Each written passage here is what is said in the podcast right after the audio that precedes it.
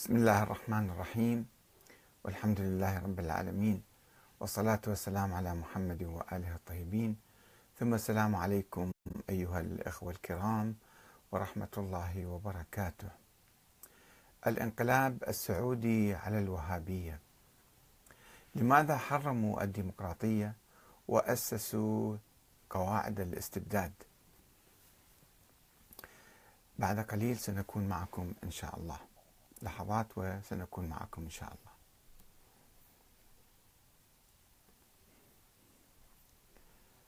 الانقلاب السعودي على الوهابية. ما هي أسبابه؟ وهل حفر الوهابيون قبورهم بأيديهم؟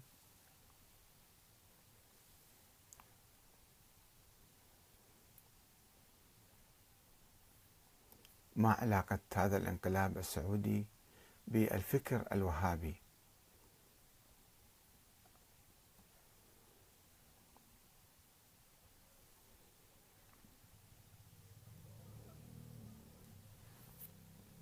الانقلاب السعودي على الوهابية. لماذا حرموا الديمقراطية وأشادوا قواعد الاستبداد؟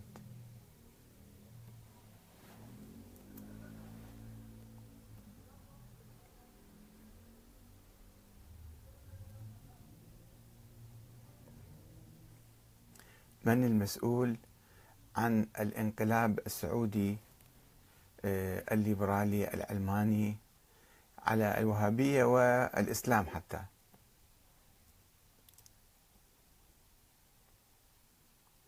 هل يعيد الوهابيون النظر في فكرهم السياسي؟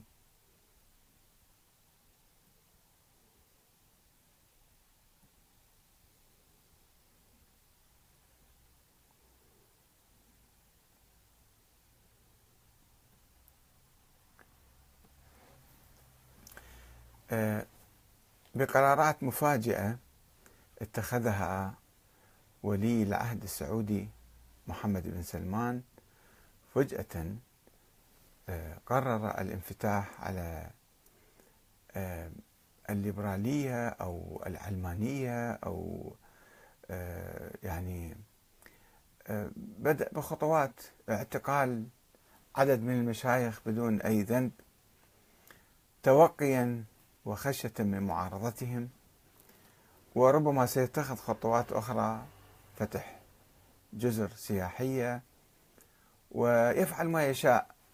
ينقلب على كل شيء ينقلب على الشريعة ينقلب على الإسلام ينقلب على آه، الوهابية. ويفاجئ الوهابيون بكل ذلك ويسكتون. يدخلون السجون ويصمتون. ولا يستطيعون ولا يعرفون ماذا يقولون. ولو راجعوا فكرهم السياسي الذي حاربوا فيه الديمقراطية لعقود من الزمن وأشادوا ونظروا للدكتاتورية والاستبداد. لعرفوا بأن هذا الانقلاب السعودي هو من ثمرات الاستبداد.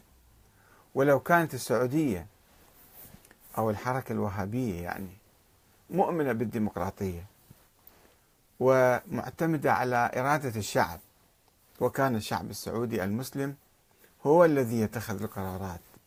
لما كان باستطاعة أي حاكم أن ينقلب على الوهابية أو على الإسلام أو على أي صيغة يختارها الشعب.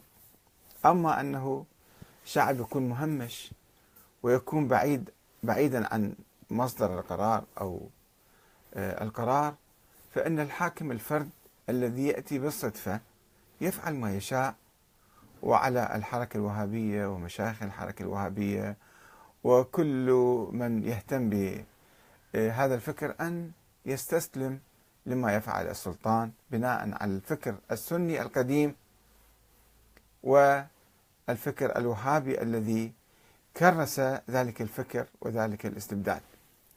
الآن نحاول أن نلقي نظرة على الفكر الوهابي السياسي ودوره في تشييد آه، قواعد الاستبداد.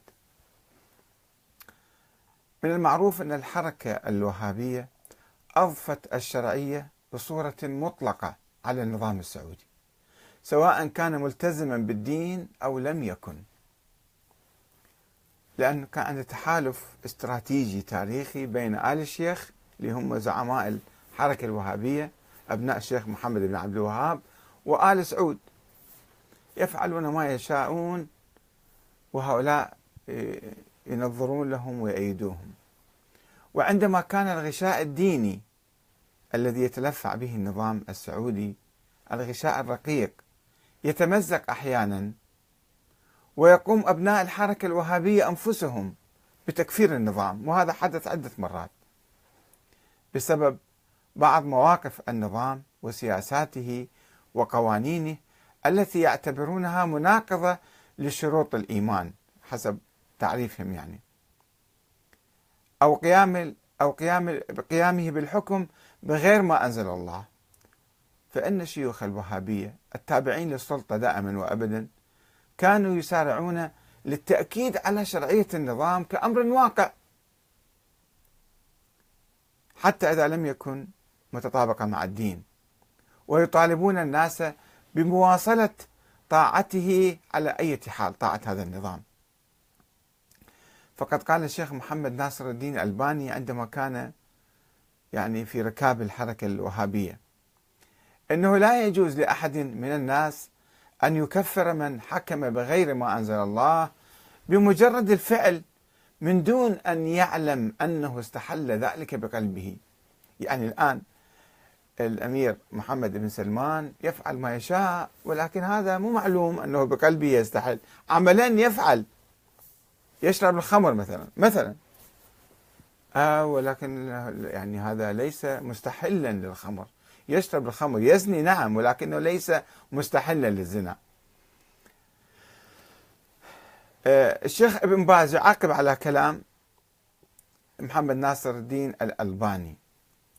يؤيده ويقول لا شك أن ما ذكره في جوابه من تفسير قوله تعالى ومن لم يحكم بما أنزل الله فأولئك هم الكافرون هو الصواب. يعني حاكم يحكم بغير ما أنزل الله يبررون أنه لا هو بقلبه ما يعني هذا الشيء ما يستحل بقلبه. عملا نعم. ويوضح الشيخ ابن باز يبرر الحاكم كل شيء. يقول الكفر إن الكفر كفران أكبر وأصغر. كما إن الظلم ظلمان أكبر وأصغر. وما أدري ليش ما يقول الشرك شركان أكبر وأصغر. يطلقون كلمة الشرك على عامة المسلمين. فمن استحل الحكم بغير ما أنزل الله أو الزنا أو الربا أو غيرهما من المحرمات المجمع على على تحريمهما فقد كفر كفرا أكبر. إذا استحل مو إذا ارتكب. فرق بين ارتكاب المحرم بين استحلال المحرم. يقول لا حلال مثلا هذا. هل رأيتم واحد يزني يقول الزنا حلال مثلا؟ ومن فعلها بدون استحلال كان كفره كفرا أصغر وظلمه ظلما أصغر. وهكذا فسقه في فسق أصغر. يعني فعلا كلام مضحك جدا.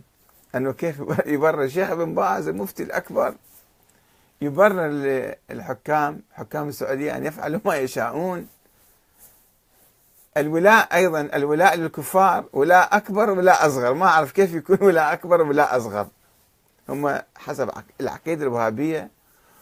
موالاة الكفار هذا يعتبر شرك. يعني موالاة من كانوا يقصدون في ذيك الأيام قبل 200 سنة؟ موالاة الحكومة السعودية. عفوا موالاة الحكومة العثمانية في تلك الأيام. أو موالاة مثلا الحكومة المصرية. كان يعتبرون هذا كفر وشرك. إذا واحد والى الآخرين ومن لم يوالي آل سعود فهو عندهم كان كافر ومشرك ويستحلون دمه. كما يفعل أو فعل دواعش الآن. إذا واحد والى النظام العراقي أو والى النظام السوري هذا يعتبر كافر مشرك خلاص. أي واحد يوالي غير غيرهم يعتبروا هذا يعني من نواقض الدين. أما توالي أمريكا توالي إسرائيل لا هذا ولا أصغر ما يسبب الكفر ولا الكفر الأكبر. وقال الشيخ محمد بن صالح بن عثيمين هذا أيضا من كبار علمائهم عضو هيئه كبار العلماء. وليعلم أنه يجب على الإنسان أن يتقي ربه في جميع الأحكام فلا يتسرع في البت خصوصا في التكفير. هم يكفرون ما شاء الله عامة الناس عامة المسلمين ببلاش. وبسرعة أما إذا أجى التكفير لهم إلى آل سعود لا اتق الله أستغفر الله ربي وأتوب إليك لا تكون تكفر الحاكم. اتقوا الله. يجب على الإنسان أن يتقي ربه في جميع الأحكام فلا يتسرع في البت بها خصوصا في التكفير الذي صار بعض أهل الغيرة والعاطفة يطلقونه بدون تفكير ولا روية. هذا عندما وصل إليهم طبعا. مع أن الإنسان إذا كفر شخصا ولم يكن الشخص أهلا لذلك عاد ذلك إلى قائله هو يصير كافر يعني. وتكفير الشخص يترتب عليه أحكام كثيرة. فيكون مباح الدم والمال ويترتب عليه جميع أحكام الكفر فيجب أن نتقي الله ولا نكفر الحكام. واشترط ابن عثيمين لتكفير الحكام الذين لا يحكمون بما أنزل الله. الآية اللي يطبقوها دائما على من يشاءون. أما إذا أجت على النظام السعودي ومن لم يحكم بما أنزل الله عنده مثلا يبيح الربا مثلا أو يبيح الزنا الآن يبيح السفور الخلاعة الرقص الاختلاط اللي كانت من أشد المحرمات. يبيح سياقة السيارة وهذه كان أكبر جريمة وأكبر يعني ذنب. الآن إجا أباح السيارة. آه هذا ليس يعني مكفرا. أو يعني لعب بالدين كما يشاءون. اشترط ابن شروط. شروطا عديدة بأن لا يمارس ذلك تبعا للهوى أو الجهل والتلبيس والمصلحة. وقال إن الكافر من كفره الله ورسوله وللتكفير شروط منها العلم ومنها الإرادة. أن نعلم بأن هذا الحاكم خالف الحق وهو يعلمه. قد يكون ناسي مشتبه ما يعرف جاهل وأراد المخالفة. ولم يكن متأولا. لو كان شوي متأول لا هذا بعد ما يصير نكفره المهم هذا له شروط ولا يجوز التسرع في التكفير. وبعد قيام مشايخ الوهابية في نفي الكفر عن حكام آل سعود وتنزيل أعمالهم ومواقفهم المخالفة للدين إلى درجة الفسق والعصيان. مو كفر لا شوية أقل. طالبوا الناس بالطاعة في كل الأحوال ولا سيما إن لم تكن للناس قدرة على التغيير. فليش يكفرون؟ ويتورطون. فأحسن شيء من البداية لا يكفرون. وإن ارتكب الحاكم الكفر البواح. خلافا للحديث النبوي المشهور عند أهل السنة. وقال المفتي السابق ابن باز. طبعا كل المصادر موجودة عندي في كتابي أنا الشرعية الدستورية. في الأنظمة الإسلامية السياسية المعاصرة دراسة مقارنة بين السعودية والوهابية كل المصادر مذكورة الآن أختصر الموضوع. يقول ابن باز أما بعد فقد قال الله عز وجل يا أيها الذين آمنوا أطيعوا الله وأطيعوا الرسول آه، وأولي الأمر منكم. فإن تنازعتم في شيء فردوه إلى الله والرسول إن كنتم تؤمنون بالله واليوم الآخر. ذلك خير خيرا وأحسن تأويلا. هذه الآية تنص على وجوب طاعة أولي الأمر وهم الأمراء والعلماء أمراء آل سعود وعلماء الوهابية. وقد جاءت السنة الصحيحة السنة الصحيحة. وقد جاءت السنة الصحيحة عن رسول الله صلى الله عليه وسلم تبين أن هذه الطاعة لازمة وهي فريضة في المعروف. النصوص من السنة تبين المعنى وتفيد الآية بأن المراد طاعتهم بالمعروف. فيجب على المسلمين طاعة ولاة الأمر في المعروف لا في المعاصي. فإذا أمروا بالمعصية فلا يطاعون في المعصية. إذا قال لك تعال إذني لا تزني. إذا قال لك تعال مثلا اشرب خمر لا تشرب خمر. أما النظام كله باقي فهذا يجب أن يطاع. لكن لا يأتي الخروج عليهم بأسبابها بأسباب المعاصي تروح تخرج على النظام وتقوم بثورة وانقلاب وتمرد وخروج ومظاهرات هذا كله ما يجوز. قال عبادة رضي الله عنه بايعنا رسول الله صلى الله عليه وسلم على أن لا على ألا ننازع الأمر أهله. طيب بايع بايعوا رسول الله على أن لا ينازعوا الأمر أهله في ذيك الأيام مو في المستقبل بعد 1400 سنة. قال إلا أن تروا كفرا بواحا عندكم من الله فيه برهان. هذا يدل على أنهم لا يجوز لهم منازعة ولاة الأمر. أما ولاة الأمر منين إجوا؟ كيف أصبحوا ولاة أمر هذا ليس مهما. ولا الخروج عليهم إلا أن يروا كفرا بواحا عندهم من الله فيه برهان. وما ذاك إلا لأن الخروج على ولاة الأمور يسبب فسادا كبيرا وشرا عظيما. فيختل به الأمن وتضيع الحقوق ولا يتيسر ردع الظالم ولا نصرة المظلوم وتختل السبل ولا تؤمن فيترتب على الخروج على ولاة الأمور فساد عظيم وشر كبير. إلا إذا رأى المسلمون كفرا بواحا عندهم من الله فيه برهان فلا بأس فلا بأس مو يجب فلا بأس أن يخرجوا على السلطان لإزالته.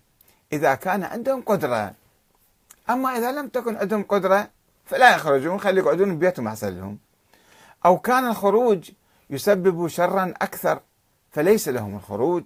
رعاية للمصالح العامة والقاعدة الشرعية المجمع عليها أنه لا يجوز إزالة الشر بما هو أشر منه بل يجب درء الشر بما يزيله أو يخففه. أما درء الشر بشر أكثر فلا يجوز بإجماع المسلمين. فإذا كانت هذه الطائفة التي تريد إزالة هذا السلطان الذي فعل كفرا بواحا ويكون عندها قدرة على أن تزيله وتضع إماما صالحا طيبا دون أن يترتب على ذلك فساد كبير على المسلمين وشر أعظم من شر هذا السلطان فلا بأس. أما إذا كان الخروج يترتب عليه شوف كم مرة يكرر الكلام. أما إذا كان الخروج يترتب عليه فساد كبير واختلال الأمن وظلم الناس واغتيال من لا يستحق الاغتيال إلى غير هذا من الفساد العظيم هذا لا يجوز بل يجب الصبر والسمع والطاعة في المعروف ومناصحة ولاة الأمور والدعوة لهم بالخير والاجتهاد في تخفيف الشر وتقليله وتكثير الخير. هذا هو الطريق السوي الذي يجب أن يسلك لأن في ذلك مصالح المسلمين عامة. ولأن في ذلك تقليل الشر وتكثير الخير ولأن في ذلك حفظ الأمن وسلامة المسلمين من شر أكثر. نسأل الله آه، للجميع التوفيق والهداية. وفي ظل الشرعية الدينية أو شرعية الأمر الواقع لم يقتصر الاستبداد والإقصاء على الطوائف الإسلامية الأخرى بل شمل حتى حزب النظام من الوهابيين. يعني عندما أشادوا الاستبداد سيف الاستبداد ضرب حتى الوهابيين وأقصاهم عن السلطة وعن المشاركة في اتخاذ القرار. آه الذين رفض ابن سعود أي معارضة منهم وصادر منهم حق المشاركة السياسية أو التدخل في اختيار الإمام أو الاعتراض على سياسته. واساسا هم عندما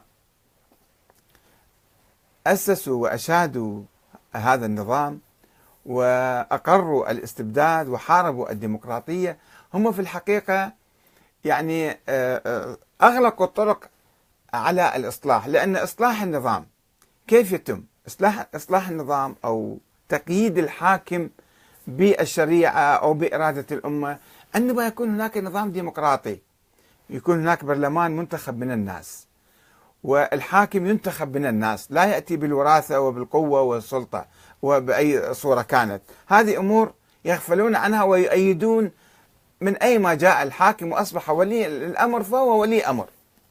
هذا خارج إطار المناقشة والبحث. ثم الهيكلية الهيكلية الدستورية لبناء النظام ما ما ينظرون إلى طرق الإصلاح وتقييد سلطة الحاكم أو توزيع السلطة بين سلطة تشريعية وسلطة تنفيذية وسلطة قضائية. القضاء يكون مستقل مثلا. الآن القضاء ليس مستقلا في السعودية. عندما يعتقل الحاكم من يريد؟ يقتل من يريد؟ يذبح من يريد؟ فلا يستطيع أحد أن يعترض.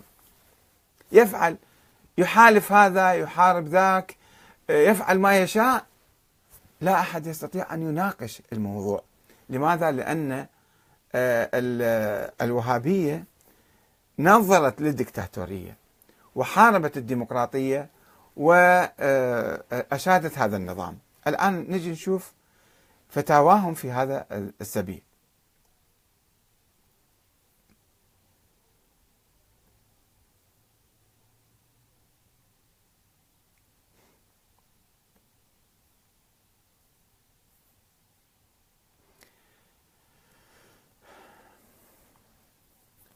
النظام السعودي في الحقيقة صار له آه، مئة سنة أو أكثر من مئة سنة. النظام الأول الذي قام فيه نجد سنة 1902 واحد اثنين. آه، وسنة 32 أصبح يحمل هذا الاسم المملكة العربية السعودية عندما ضموا الحجاز إلى نجد. آه، وكان حكم فردي وما في أي نظرية سياسية. ممكن الحاكم يعني أي نظرية يريد يجعل نظام ديكتاتوري التوريث يكون بين الأخوة التوريث يكون بين الأبناء. آه، يجعل نظام ديمقراطي ممكن ما حد ما يعترض عليه. يعني هو الحاكم شنو يصور شنو يفكر؟ يريد اليوم يطبق الشريعة. فهو حسب ما يريد. يريد يلغي الشريعة أيضا حسب ما يريد. يريد يكون علماني ينفتح يجيز سياقة السيارة يحرم سياقة السيارة يجيز للمرأة سياقة القطارات مثلا أو الطائرات. فهذا هو حر. يفعل ما يشاء. والحكومة الوهابية تطأطئ رأسها وتدعم آه، هذا النظام. وتفرض على الشعب أن يطيع هذا النظام في كل ما يفعل. ليس النظام فقط. أي فرد أي أمير أي ابن أمير يأتي ويستولي على السلطة ويقوم بانقلابات داخل العائلة ثم داخل النظام فهو من حقه وهو من يعني بحريته.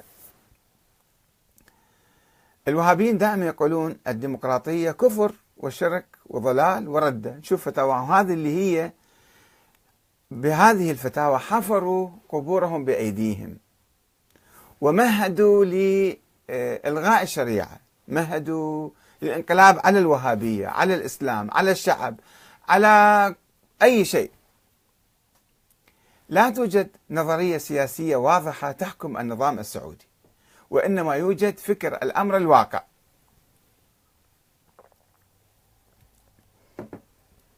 وهو ما يقرره الملك في أي قانون أساسي. حتى الدستور الدستور من صنع الملك نفسه. هبة. يرسمه كما يشاء. كما فعل الملك عبد الله الملك فهد. وله الحق وحده في تغيير النظام بأي اتجاه يريد حتى في الاتجاه الديمقراطي الدستوري. إذا رأى الملك بكرة أن يسوي نظام دستوري ديمقراطي وانتخابات شعبية لا أحد يعترض. اليوم حرام بس بكرة يصير حلال هذا الشيء. أو العلماني مثلا. وقد كانت هناك عبر التاريخ دعوات ووعود من الملوك السعوديين بإقامة انتخابات ونظام دستوري. يعني هذا كان ممكن يسووه بس ما سووه. ومع أنها لم تترجم عمليا إلا أنها كانت ممكنة أو أنها يمكن أن تتحول إلى واقع في المستقبل إذا يوم من الأيام أحد الأمراء نام بالليل وشاف حلم بالمنام. أن الديمقراطية حلال. وجلس الصبح وأصدر بيان بأن النظام يجب أن يكون ديمقراطيا مثلا. ويمكن القول أن النظام السعودي خلال 100 سنة راحت قد طور الفكر الوهابي الأول الذي كان يقتصر قبل 200-300 سنة في البداية على محاربة الاستغاثة بالأولياء. كل فكر الوهابي كان يقوم على محاربة الاستغاثة بالأولياء وزيارة القبور. هاي كل كل فكرهم كان يتركز على الموضوع واعتبارها شركا. الوهابية الحديثة طورها لا في محاربة التطور المتوقع في المجتمع أو كان المفروض يحدث في المجتمع السعودي منع هذا المجتمع من مواكبة العصر وإقامة نظام ديمقراطي بتوجيه الوهابية نحو تحريم الديمقراطية. باتجاه ترسيخ نظام الاستبداد ورفض الديمقراطية واعتبارها نوعا من الشرك الذي يتناقض مع عقيدة التوحيد. فقد دأب عدد من الفقهاء والكتاب السعوديين الوهابيين على مهاجمة الديمقراطية ورفضها. لماذا؟ لأنها تقوم على مبدأ الأكثرية والأقلية. هذه الجريمة الكبرى. وتشريع الناس للقوانين. يعني الحاكم يشرع ما يشاء من القوانين. هذا هو حر. أما الناس إذا شرعوا لا ما يجوز.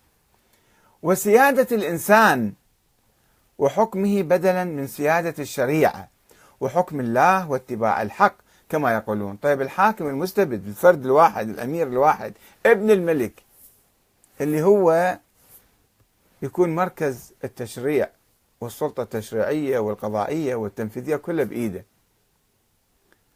هذا يعني هل هذا شريعة الله؟ هل الديمقراطية في مقابل شريعة الله أم في مقابل شريعة الدكتاتور الحاكم الواحد؟ هسه خلينا نشوف كيف ذول الوهابيين عرفوا الديمقراطية. الشيخ عبد العزيز بن باز اللي هو المفتي السابق للمملكة اللي ظل سنين طويلة هو المفتي. يعرف الديمقراطية بأنها نظام أرضي يعني حكم الشعب للشعب. طيب ما هو الاستبداد؟ حكم الفرد للشعب. حكم الشعب للشعب بنفسه أفضل من حكم الواحد للشعب. لا هذا ما يصير. وأفتى بناء على ذلك يعني الاستبداد هو نظام إلهي إن الاستبداد أيضا نظام أرضي. فهو دي ينتقد الديمقراطية يقول الديمقراطية نظام أرضي ويعني حكم الشعب للشعب. طيب والاستبداد حكم شيطاني وحكم الشخص الواحد الشيطان للشعب المسلم. وأفتى بناء على ذلك بسرعة شنو صار؟ بأنها مخالفة للإسلام. الديمقراطية ما دام هي حكم الشعب للشعب فهي مخالفة للإسلام. فالحكم لله العلي الكبير كيف يعني يلعبوا بالألفاظ؟ ولا يجوز أن يعطى حق التشريع لأحد من البشر كائنا من كان. طيب الشعب مسوي ديمقراطيه ما راح يحل الزنا يقول الزنا حلال ولا القتل حلال ولا السرقه حلال. محرمات تبقى محرمات الشريعة تبقى محرمات. وما راح يقول الصلاة حرام أو الصوم حرام أو الزكاة حرام. هي في الأمور الإدارية إدارة المجتمع ما لها علاقة بشريعة الله. ولكن هو أعتقد يعني ليس جاهلا إنما هو يحاول أن يخلط الأمور.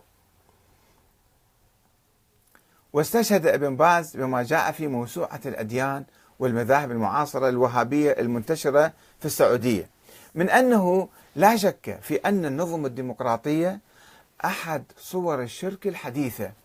أحد. صور الشرك الحديثة في الطاعة والانقياد أو في التشريع حيث تلغى سيادة الخالق سبحانه وتعالى. من قال لك ذلك؟ وحقه في التشريع المطلق كأن التشريع الآن بالسعودية كله بالقرآن الكريم يعني. وتجعلها من حقوق المخلوقين. والله تعالى يقول إن الحكم إلا لله أمر أن لا تعبدوا إلا إياه. ذلك الدين القيم ولكن أكثر الناس لا يعلمون. وقال ابن باز إن من علم حال النظام الديمقراطي وحكمه ثم رشح نفسه أو رشح غيره مقرا لهذا النظام عاملا به فهو على خطر عظيم. إذا النظام الديمقراطي مناف للإسلام وإقراره والعمل به من موجبات الردة والخروج عن الإسلام. بعد أكثر من الخطر العظيم. وأكد ذلك علماء اللجنة الدائمة للإفتاء آه، في السعودية عام 1991 عندما بدأ الشعب السعودي شوي يطالب بالديمقراطية. قائلين لا يجوز للمسلم أن يرشح نفسه رجاء أن ينتظم في سلك حكومة تحكم بغير ما أنزل الله. قلت قبل شوية قلت إذا ما كان مستحل يعني يجوز. إذا استحل الحكم بغير ما أنزل الله فذلك حرام. نسوا العبارة هذه. وتعمل بغير شريعة الإسلام. من قال لكم يعملون بغير شريعة الإسلام؟ فلا يجوز لمسلم أن ينتخبه أو غيره ممن يعملون في هذه الحكومة الحكومة كلها تصير كافرة.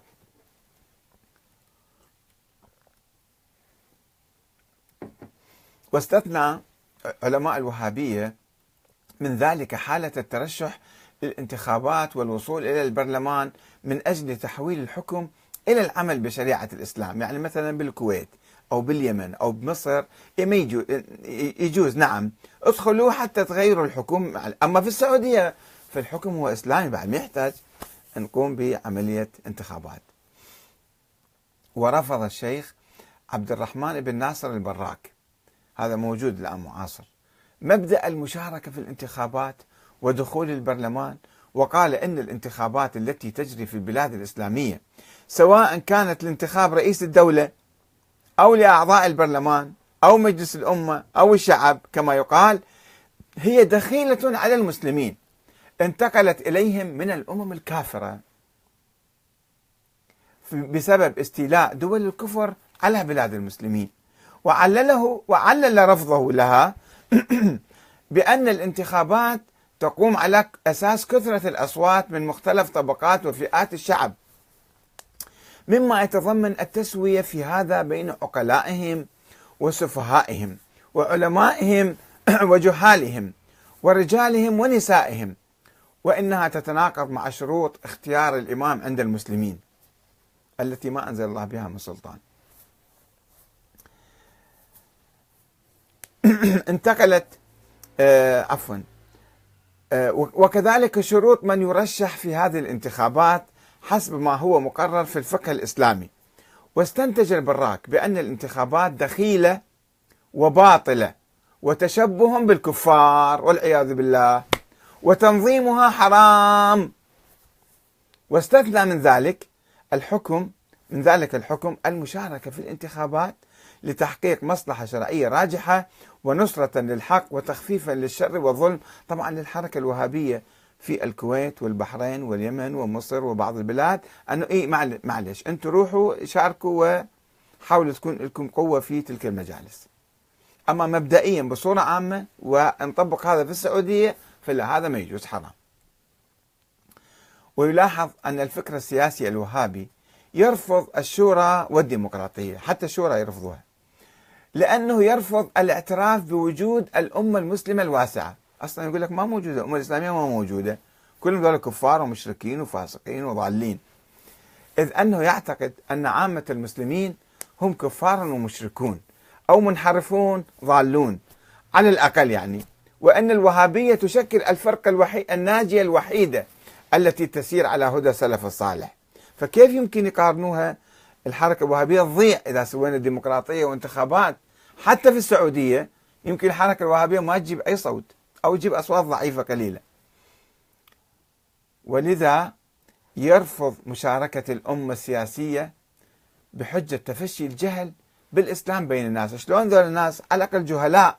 فنجي نساويهم بالوهابية اللي هي ماسكة السلطة وهي تقدم السلطة لآل سعود. لقد رفض الفكر السياسي الوهابي الشورى أو الديمقراطية بقوة لأنها تقوم على مبدأ حكم الأكثرية الذي اعتبره منافيا للدين. انطلاقا من هذه المفاهيم اللي عندهم أن جماعة هم أهل الحق وإن قلوا. جماعة المسلمين ليس يعني كل المسلمين. أن جماعة هم أهل الحق وإن قلوا. وعدم شرعية الأكثرية دائما. طب الأقلية هي شرعية إذن؟ من أين جاءت الشرعية؟ بالشرعية. كيف يحق لها أن تحكم الناس تحكم الأكثرية؟ على أي أساس؟ عائلة واحدة أو حركة أو حزب أو طائفة تحكم بقية المسلمين. وخاصة عندما تكون الأقلية وهابية. آه، آه، كما رفض الديمقراطية الفكر السياسي الوهابي رفض الديمقراطية لأنها تنطوي على مبدأ محاسبة الأمة للحاكم. الديمقراطية هاي معناتها أن مجلس النواب يحاسبون الحاكم يحاسبون الوزراء ويغيروهم وينتقدوهم. وهذا حرام. هذا أكبر أكبر المحرمات عند الوهابية. وتداول السلطة وفصل السلطات وهذا كله أيضا ما يجوز. وهو ما يتناقض مع مبدأ وجوب الطاعة المطلقة للحاكم في الفكر السياسي الوهابي. حسب ما يقول الشيخ محمد بن عبد الوهاب نفسه في الأصل الثالث من الأصول الستة. عنده كتاب اسمه الأصول الستة. إن من تمام الاجتماع السمع والطاعة لمن تأمر علينا. ولو كان عبدا حبشيا ياهل يجي يصير أمير علينا بالقوة وبأي شيء كان بأي طريق كان. مو مشكلة الديمقراطية طبعا حرام لا يجوز الانتخاب. هو يسيطر بس بالقوة كما جاء داعش مثلا. إذا اجت داعش وسيطرت حسب الفكر الوهابي فيجب الطاعة. السمع والطاعة لمن تأمر علينا. ولم يفرق الفكر السياسي الوهابي بين الدعوة إلى إسقاط الحاكم بالطرق العسكرية مثلا أو تغييره بالطرق السلمية الديمقراطية. هذا أيضا ما يجوز. ذاك ما يجوز وهذا ما يجوز. فكل ذلك في نظره يخالف مبدأ الطاعة المطلقة المطلوبة من الناس. كما يقول كما يرفض مجرد توجيه النقد علنا إلى الحكام. أو في مجلس الشورى يقوم نائب وينتقد الحكومة وينتقد الأمير وينتقد الملك. هذا أو أكبر المحرمات هذا. فكل ذلك في نظره مخالف لمبدأ آه، الطاعة المطلقة المطلوبة من الناس كما يرفض مجرد توجيه النقد علنا إلى الحكام لأنه يؤدي إلى الثورة. وحسب الشيخ عبد العزيز بن باز فإنه ليس من منهج السلف التشهير بعيوب الولاة هي مو عيوب شخصية. بدنا نقول هذا كيف يعامل مرته بالبيت لأن المجلس النواب أو آه، الشعب أو الصحافة الحرة من حقه أن تنتقد المسؤول على تصرفاته على سياسته. فلماذا تكون آه، هو يحق له أن يتكلم بما يشاء ويفعل ما يشاء علنا ولا يحق للناس أن ينتقدوه علنا مثلا؟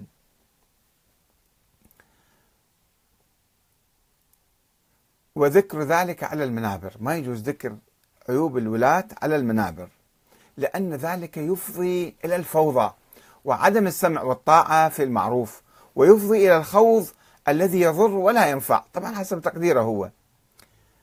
ولكن الطريقة المتبعة عند السلف النصيحة فيما بينهم وبين السلطان بإذنه فقط أتكلم. والكتابة إليه أو الاتصال بالعلماء الذين يتصلون به حتى يوجه إلى الخير. إذا ما تتمكن توصل للحاكم أو الأمير فشوف لك فد واحد اللي يروح يجلس معاه اتكلم وياه.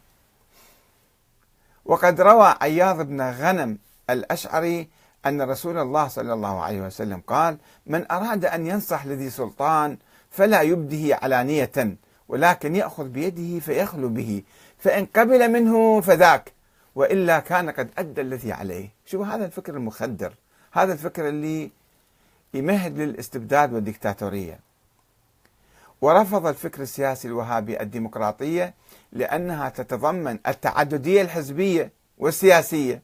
انطلاقا من عدم جواز التحزب. التحزب حرام. أما هم يسوون حزب وحركة ويسيطرون على الأمة فهذا حلال. لأن الانتماء الحزبي بيعة بدعية منافية لبيعة السلطان وسبب من أسباب التفرق. وقد رفض ممارسة عملية الولاء والبراء والهجر والمقاطعة في داخل صفوف المجتمع إلا بإذن ولي الأمر والحاكم الشرعي.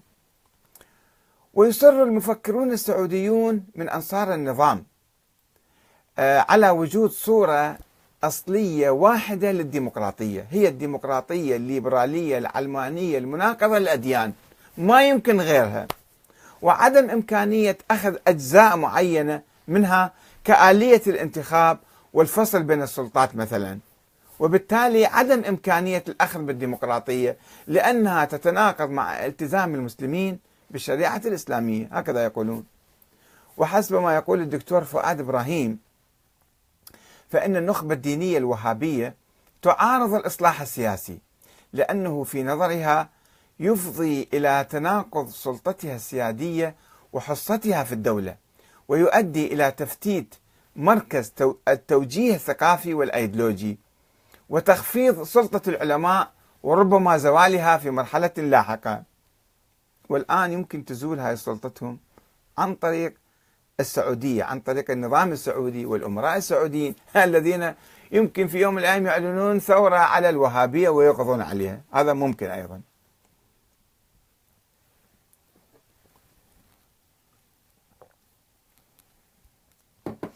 وتزخر. تزخر المكتبة السعودية بكتب مناهضة للديمقراطية. مثل ثلاث كتب أجيب لكم نماذج من عندها. واحد كتاب حقيقة الديمقراطية للكاتب محمد شاكر الشريف الذي يعتبر النظام الديمقراطي بمختلف صوره حكم الطاغوت. نظام الديمقراطية حكم الطاغوت.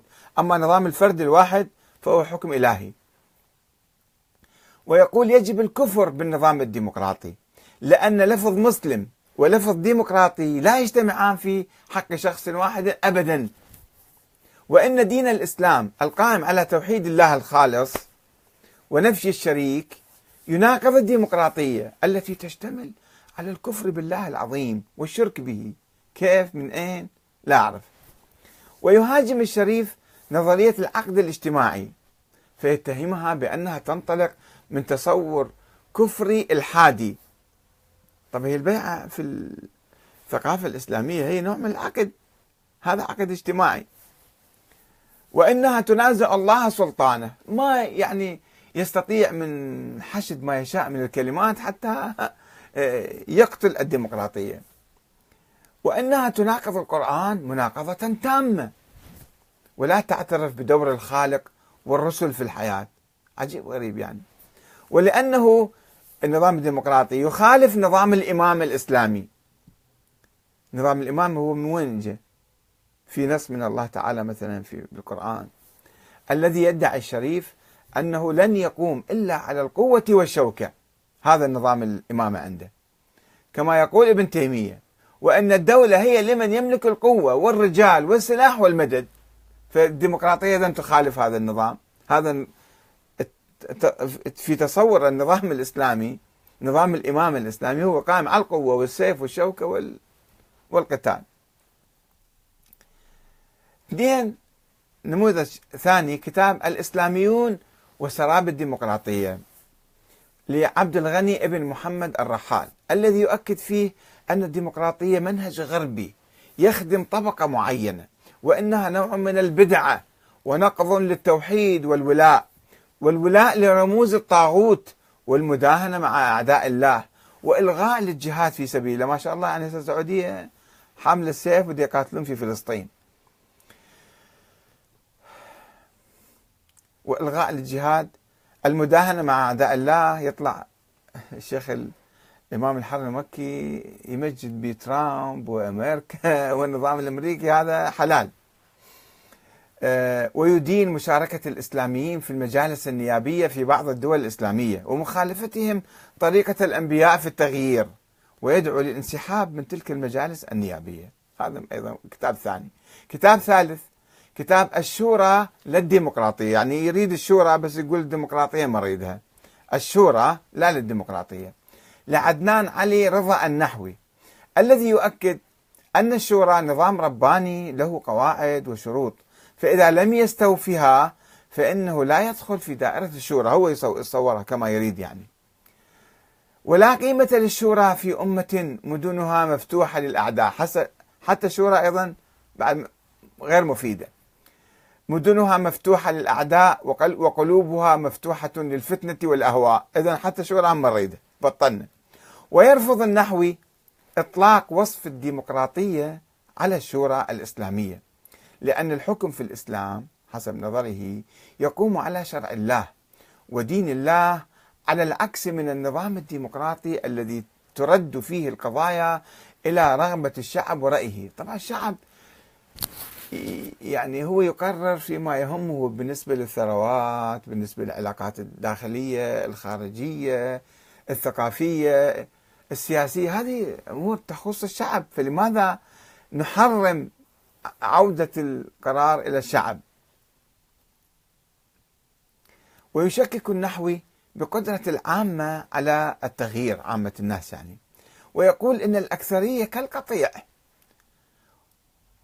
الأكثرية كالقطيع ولا يمكن تقييد المستبد بالأكثرية. ما يجوز. المستبد هو طيب إذا كان المستبد شيطان إنسان ضال فاسق فاجر ضال ظالم ما يجوز ما يجب علينا تقييد هذا الحاكم حتى لا يقلب الأمور رأسا على عقب. لا هذا ما يصير. خليه براحته خليه يعمل ما يشاء.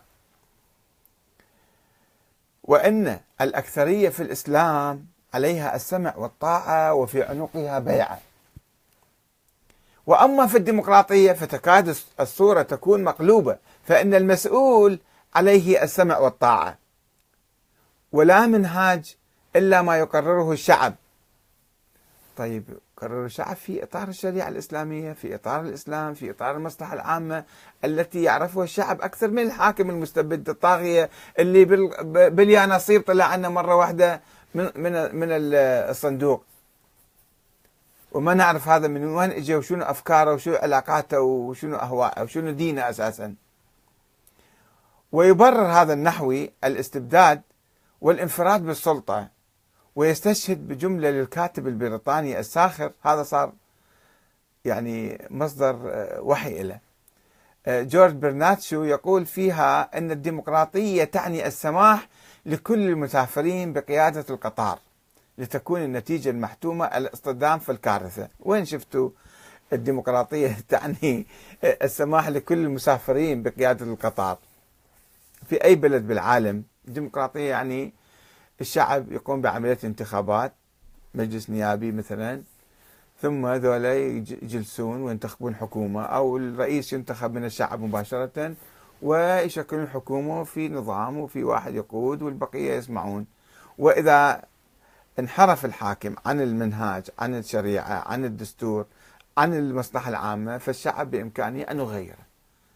فأنت تستشهد لي بجورج برناتشو هذا شنو هو؟ حديث نبوي ولا آية قرآنية؟ يعني هم يعني لما يريدوا يحاربوا شيء يستخدموا كل الوسائل لمحاربة هذا الفكر الجديد. حتى الشعب ما يفكر بالديمقراطية شعب حرام. يعني البعض الآن من الوهابيين نشوفهم في تويتر وفي فيسبوك ويحتجون لماذا في مثلا في فندق في الرياض صارت حفلة وجلسوا نساء مع الرجال. هذا من أكبر المحرمات أنه كيف يكون في اختلاط وكيف يكون مثلا سفور وكيف يكون في آه، مرأة تقود السيارة أيضا بعضهم ما قابلين حتى الآن. طيب أنتم اللي تعترض على هالأشياء البسيطة اللي قاعد تحدث هنا وهناك ما تفكر في هيكل النظام؟ ما تفكرون في الدستور العام؟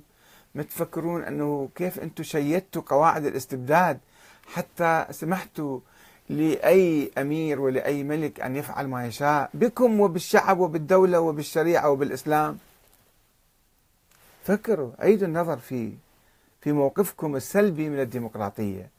و استغفر الله من جريمة تشييد قواعد الاستبداد. أكبر جريمة اقترفتها الوهابية هي تشييد الاستبداد. الاستبداد هو الشرك بالله وليست الديمقراطية شرك بالله. الاستبداد يعني طاعة الحاكم الظالم الفاجر الفاسق أن يفعل ما يشاء آه، يخالف الشريعة وأنت تطيعه هذا هو الشرك بالله تعالى.